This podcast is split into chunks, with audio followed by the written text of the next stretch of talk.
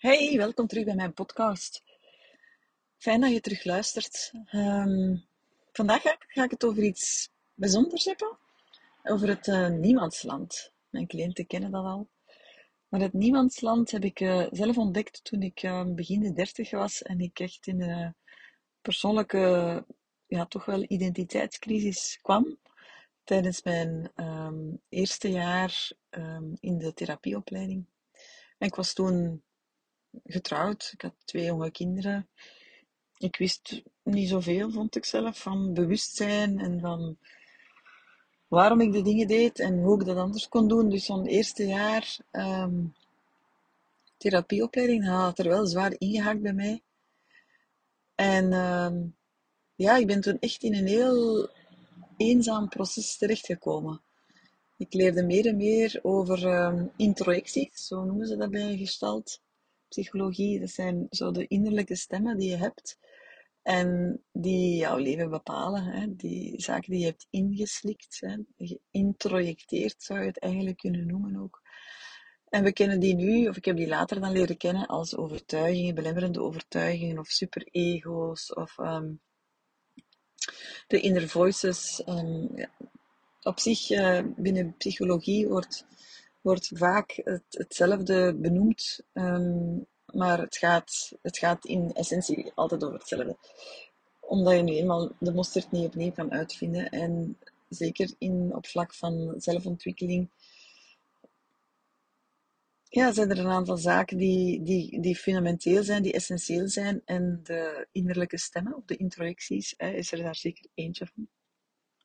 Ik geloof ook dat dat een van de belangrijkste um, inzichten is die ja, die je kan maken als, als mens. Hè. Je bewuster worden van wat dat je denkt. En beseffen dat heel veel van wat dat je denkt feitelijk niet klopt. Ik heb heel lang gedacht bijvoorbeeld dat ik, dat ik dom was. Um, dat kwam omdat um, mijn moeder het absoluut belangrijk vond om mij in mijn vijfde leerjaar opeens te verplanten naar een grote meisjesschool, zeven kilometer verder. Dus vanuit de dorpsschool naar de grote meisjesschool. ik was daar totaal niet op voorbereid. En uh, ja, in de dorpsschool kon ik heel goed mee. Um, was heel gemakkelijk ook. Ja. Ik had daar ook echt mijn tribe eigenlijk. En dan uh, werd ik echt verkast, letterlijk. Uniform aan, uh, nieuwe boekentas nieuwe kinderen, ah, dat was echt, uh, dat was echt uh, l'enfer voor mij. Waardoor mijn punten enorm gekelderd zijn. Ik kon ook totaal niet zo goed volgen. Ze hadden daar ook al veel meer Frans geleerd, bijvoorbeeld. Dus dat is wel pittig geweest. En dat heeft mij heel veel jaren apart gespeeld. Ik heb daardoor ook uh, lager gemikt. Um, als ik hogere studies ging doen. Ik wou heel graag pediater worden. Uh, heel, graag. Ik zag dat ook echt voor mij. Ik visualiseerde dat ook echt, maar ik heb dat nooit gedurfd om die studies aan te vatten. Wat dat eigenlijk, ja, in retrospectief jammer is, maar natuurlijk, het leven loopt zoals het loopt. Dus, um. Maar dus, um, ja, introjecties hè, zijn de gedachten, de, de gedachten die je hebt over jezelf, die je hebt ingeslikt als zijnde waar. En um, dat zijn vaak gedachten die we hebben ingeslikt door, door onze opvoeders, hè, vader, moeder, leerkrachten. Bij sommigen ook de grootouders, hè, die toch ook wel veel impact hadden als ze, als ze daar bijvoorbeeld naartoe ging in het weekend of uh, woensdagnamiddag.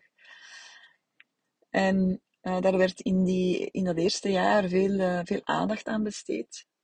Um, het is ook in mijn werk ook iets wat dat in alle trajecten passeert. Hè. Dat zijn de overtuigingen. Dat zijn de, de overtuigingen die je hebt over jezelf, wereld, de wereld en het leven. Ja, wat denk je echt over jezelf hè? of over het leven? En uh, ja, ik ben daardoor echt zo in een, in een, in een, echt in een donkerte terechtgekomen. En dat was geen depressie, maar echt zo in een echt hele zware identiteitscrisis. Zo voelde dat toch voor mij. En waarbij dat ik mij ging afvragen, maar wie ben ik eigenlijk nu echt? Hè? En ik vond dat enorm, enorm beangstigend, omdat ehm, alles wat ik tot dan geloofd had, ja, dat kwam op losse schroeven te staan. En ja, ik heb mezelf echt moeten gaan, gaan in vraag stellen. Maar wacht eens even, je zegt wel dat, dat, dat, dat je dat belangrijk vindt, maar is dat eigenlijk wel echt zo? Hè? En bepaalde introjecties klopten niet. Die waren echt niet van mij. En ehm, ik dacht ook dat ik veel meer overgeleverd was aan het leven dan, dan, ehm, dan, dan waar is eigenlijk. Hè. Ik heb daar echt geleerd van, wacht eens, ik kan echt wel, kan echt wel iets teweegbrengen in, in mijn leven, in het leven van anderen. En daar heb ik echt zo de overtuiging uh, geleerd hè, dat ik, ik kan bereiken wat ik wil. En, en dat, voor sommigen zal dat misschien arrogant klinken, maar ik vind dat een hele mooie. Hè. Ik kan echt bereiken wat ik wil. En uh, als ik het niet bereik, ook goed. ik ga daar niet depressief voor in mijn bed liggen. Maar ik voelde toen heel erg van, oh wauw, wait a minute. Ik kan eigenlijk veel meer um, Um, ik kan veel meer controle nemen over mijn leven dan ik tot nu gedacht heb. En dat heeft er ook voor gezorgd dat ik heel snel mijn praktijk heb opgestart en dat ik ook redelijk snel een volle agenda had, of, eh, toch veel cliënteel. Maar ik wil het hebben over dat niemandsland. Het niemandsland is, is iets waar dat iedereen wel doorgaat. Als je een tijdje met persoonlijke ontwikkeling bezig bent, dan kom je in een, in een fase waarin dat je heel duidelijk voelt, maar dit ben ik niet meer. Hè. Dit is, ik dacht dat ik dit was, maar ik ben dit eigenlijk niet. En ik wil dit gedrag ook niet meer. Maar wat, wie ben ik dan wel? En die wie ben ik dan wel, is, um, is nog onbekend, onbekend, onbestemd. Vaak nog echt een, een, een blinde vlek. Hè, want zo het loskomen van oude gedachten over jezelf is vaak, uh, is vaak eng. Hè? Omdat we natuurlijk op, op een bepaalde manier denken over onszelf en dat geeft ons controle en zekerheid en, en um, ja, dat geeft ons uh, een bepaald kader hè, om in te leven. Maar zodra dat je daar wat losser van komt, ga je voelen, maar wacht eens even, dat is alsof dat ze een poot onder je stoel vandaan zagen. Uh, ja, wacht, als, ik, als dit niet meer klopt voor mij, ja, wat klopt er dan nog wel? En dat is zo de fase, dat noem ik de fase van het niemandsland. Je, je weet eigenlijk niet meer waarop dat je kan richten. Je weet niet meer goed wat dat je handvatten zijn. En dat, is een, dat kan best een hele, hele verwarrende en beangstigende, beangstigende fase zijn. Het is, het is, het is nog, wit, nog wit, nog zwart. En doordat het nog wit, nog zwart is, is het zwart en wit. Hè. Het, is, het is alles en tegelijk ook niks. En, uh, en we noemen dat in het shamanisme, ik, ik vergelijk dat altijd met de, de noordelijke windrichting. Hè. Daar, is daar komt uh, verleden en toekomst samen, daar komt vol en leeg samen, alles en niks. dood en leven, ehm, ja, dat komt eigenlijk allemaal samen. En daarmee heb je dan, um, heb je dan iets ja, te, te doen. En dat kan best lang duren. En veel mensen willen daar heel graag uit, voelen, voelen zich heel oncomfortabel daarbij. Omdat we zo graag controle willen over, over ons leven en over onszelf. Um, maar we, we, kunnen in zo'n fase alleen maar in de overgave gaan. Want als je je daartegen gaat verzetten, ja, dan kom je eigenlijk terug in, in iets heel ouds terecht. En dan uh, kom je terug in die oude, in dat oud gedachtekader terecht. En het, uh, het niemandsland hij gaat ook vaak gepaard um, um, met, met veel periodes van eenzaamheid. Hè? Omdat je, je hebt geen, je hebt geen houvast niet meer. Hè? Alles wat dat je misschien dacht dat vroeger al evident was, ja, wordt op een bepaald moment vaag. Je bent misschien opgevoed met een bepaald waardekader, maar gaandeweg voel je jezelf, ja, maar dat, is, dat klopt niet meer voor mij. En ja, je vindt op een bepaald moment ook veel minder aansluiting bij familie, bij vrienden, En je komt in die eenzaamheid terecht. En dat heb ik heel erg gevoeld. En ik herinner mij dat nog echt heel erg. Dat is een hele belangrijke fase geweest in, in mijn proces, in mijn groeipad. Om ehm, die eenzaamheid te voelen en te doorvoelen en daar niet van weg te lopen. Want ik zie eenzaamheid echt iets als, iets, als iets existentieels. Het is iets des mensens. We, we maken er, we maken er uh, veel drama rond. Hè. Eenzaamheid en dat mag niet. En, en het is zo erg en triestig en droevig. En, hm. Maar ik zie het heel erg als iets menselijk.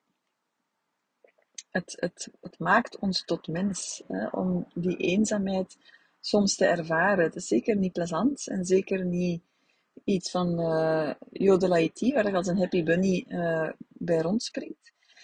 Maar als je de eenzaamheid tot vriend kunt maken, nou, dan verandert er iets. Hè. Omdat uh, ik, heb, ik zag mezelf toen heel erg, hè, ik, als ik daar een metafoor op plakte toen, ik spreek over, uh, ik spreek over 15 jaar geleden. Hè.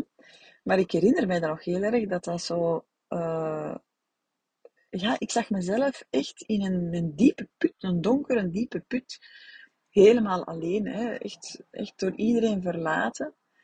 En dat is, dat is natuurlijk hetgeen wat dat we ten alle, ten alle tijden willen vermijden. Hè. Als ik kijk naar de angsten die de mensen hebben, angst voor afkeuring, angst om niet graag gezien te worden, angst om, um, ja, angst om nee te zeggen, angst om zichtbaar te worden, dat gaat in essentie, als je dat gaat gaat fileren, gaat het heel erg over helemaal alleen overblijven. Hè.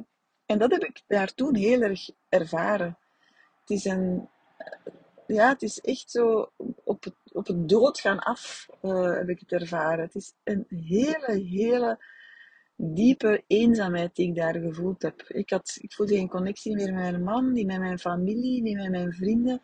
Ik voelde heel erg, ik sta er alleen voor. En in essentie is dat eigenlijk ook zo want we kunnen uitreiken naar zoveel mensen als we willen.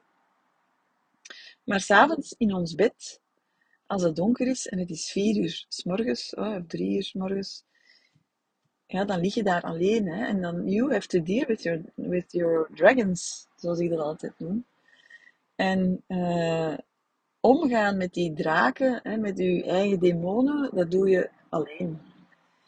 Ook al kun je dan nog uitreiken naar iemand, toch zijn er in ons leven momenten, en dat hoeft daarom geen, geen dagen lang te zijn, voor sommigen is dat wel zeker zo, maar er zijn momenten dat je gewoon alleen daar staat.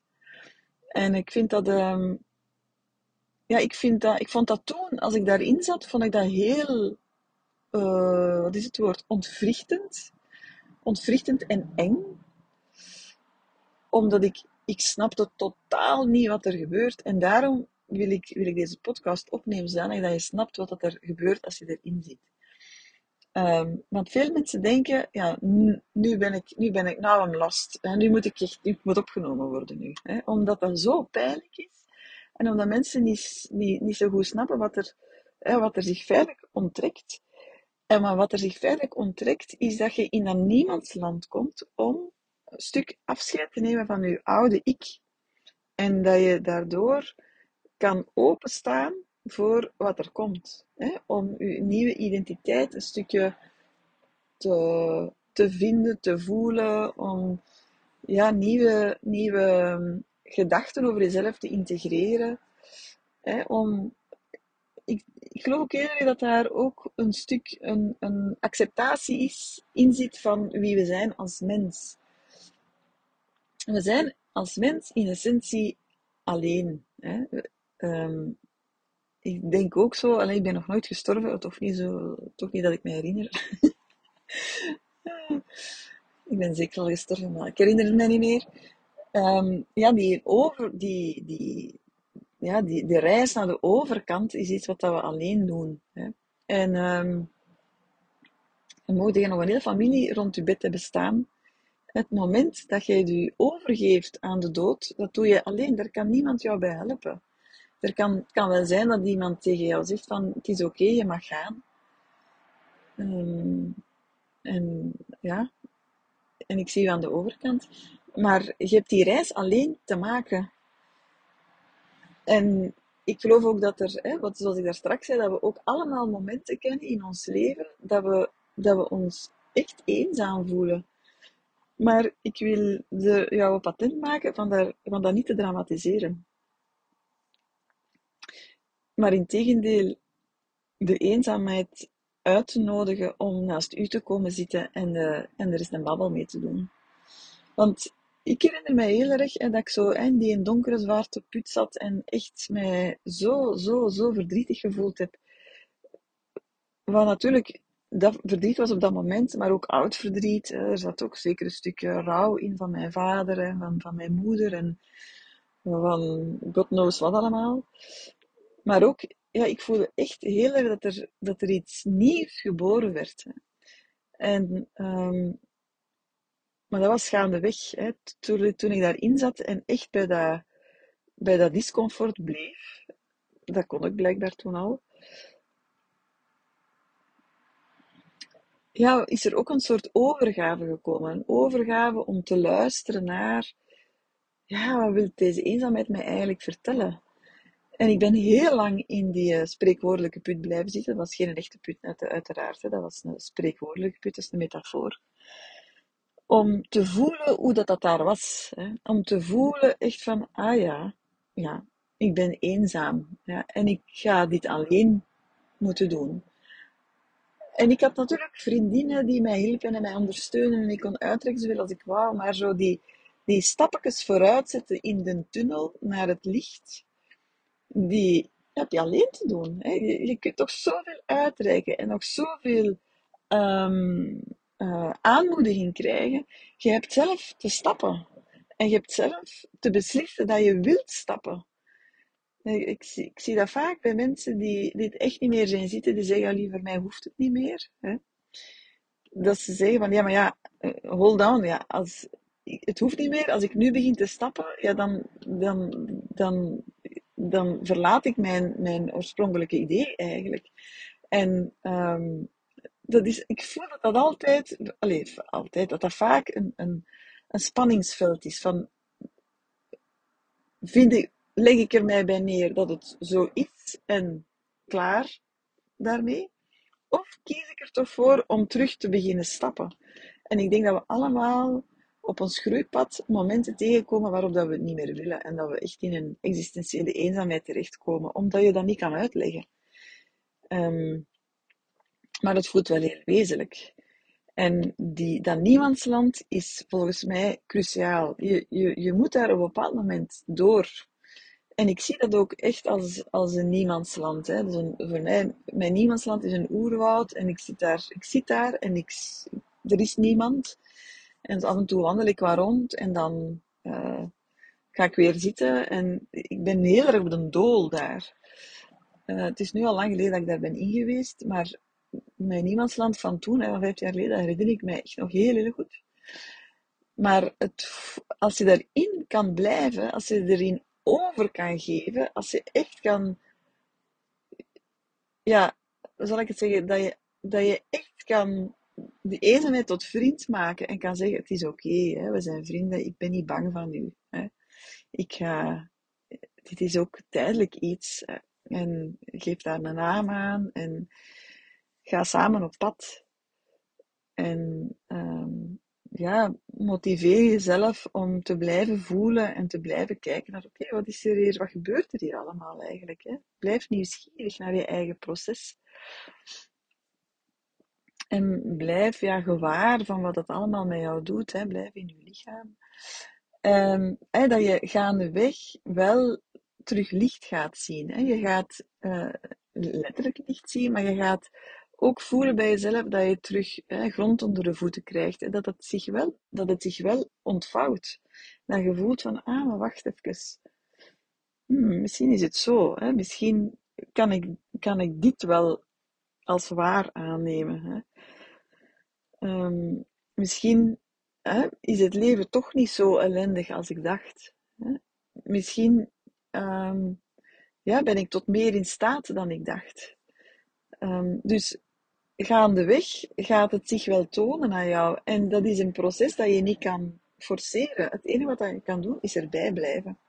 Maar daarvoor, daarover had ik gisteren. Hè, de, de discomfort, daar kunnen bijblijven, dat is super belangrijk. Als je die podcast nog niet gehoord hebt, ga zeker eens luisteren.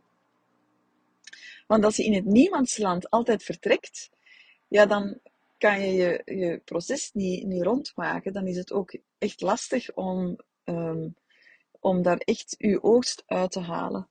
En natuurlijk is dat eng, en natuurlijk is dat beangstigend, en natuurlijk vraag je je af van hoe lang gaat dat hier duren? Hm? En is er niemand die mij kan komen redden? Nee, er is niemand die u kan komen redden. Maar dat is eigenlijk ook niet de bedoeling. Want dan, ja, dan, dan,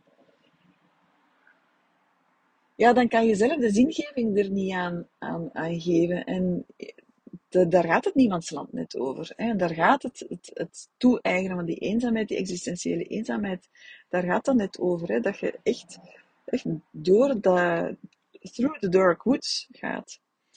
Um, ja, nu, nu wordt dat ook genoemd als The Dark Night of the Soul. Dat is ook zo een, mooie uitdrukking. Ja, dat, is, dat is eigenlijk een beetje hetzelfde.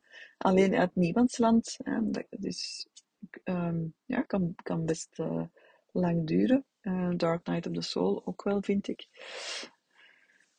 Maar ja, ga eens kijken. Hè, als je je eenzaam voelt, hè, hoe dat je daar dan mee omgaat. Hè. Of dat je...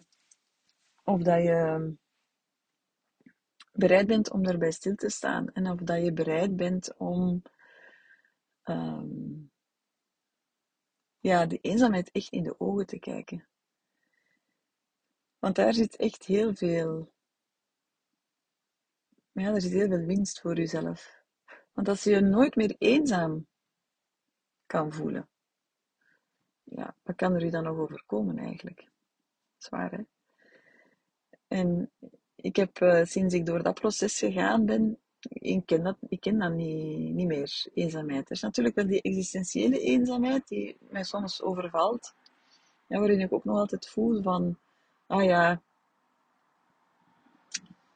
ja, ik heb het zelf te doen. Hè. Ik heb het echt zelf te doen. Ik heb zelf die stappen te zetten. En op mijn sterfbed zal ik dat alleen te doen hebben.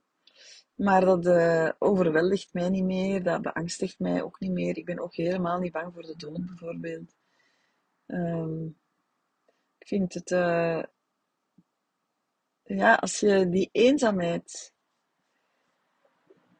uh, echt een vriend kan maken, daar doet je jezelf een enorm, een enorm groot cadeau mee.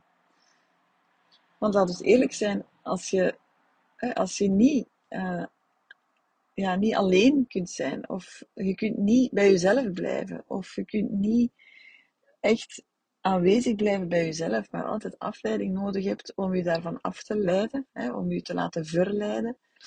Ja, ja wat wil dat dan zeggen eigenlijk? Hè? We verwachten wel dat iemand met ons 30 jaar getrouwd is, maar we kunnen zelf geen drie uur met onszelf alleen in een ruimte zijn. Lijkt mij, uh, lijkt mij bizar, om eerlijk te zijn. Dus hoe makkelijker dat je bij jezelf kan komen, hoe makkelijker dat je ja, alleen kan zijn met jezelf, hoe minder dat je geneigd gaat zijn om, uh, om afleiding te zoeken, om, om je laten, te laten verleiden tot van alles, om, om te vluchten. En uh, ja, dat maakt het leven echt een pak makkelijker. Want elke afleiding, elke vlucht is eigenlijk uh, tijdverlies. Zo, dat was het voor vandaag. Ik hoop dat je ervan genoten hebt. En uh, ik hoor jou heel graag morgen.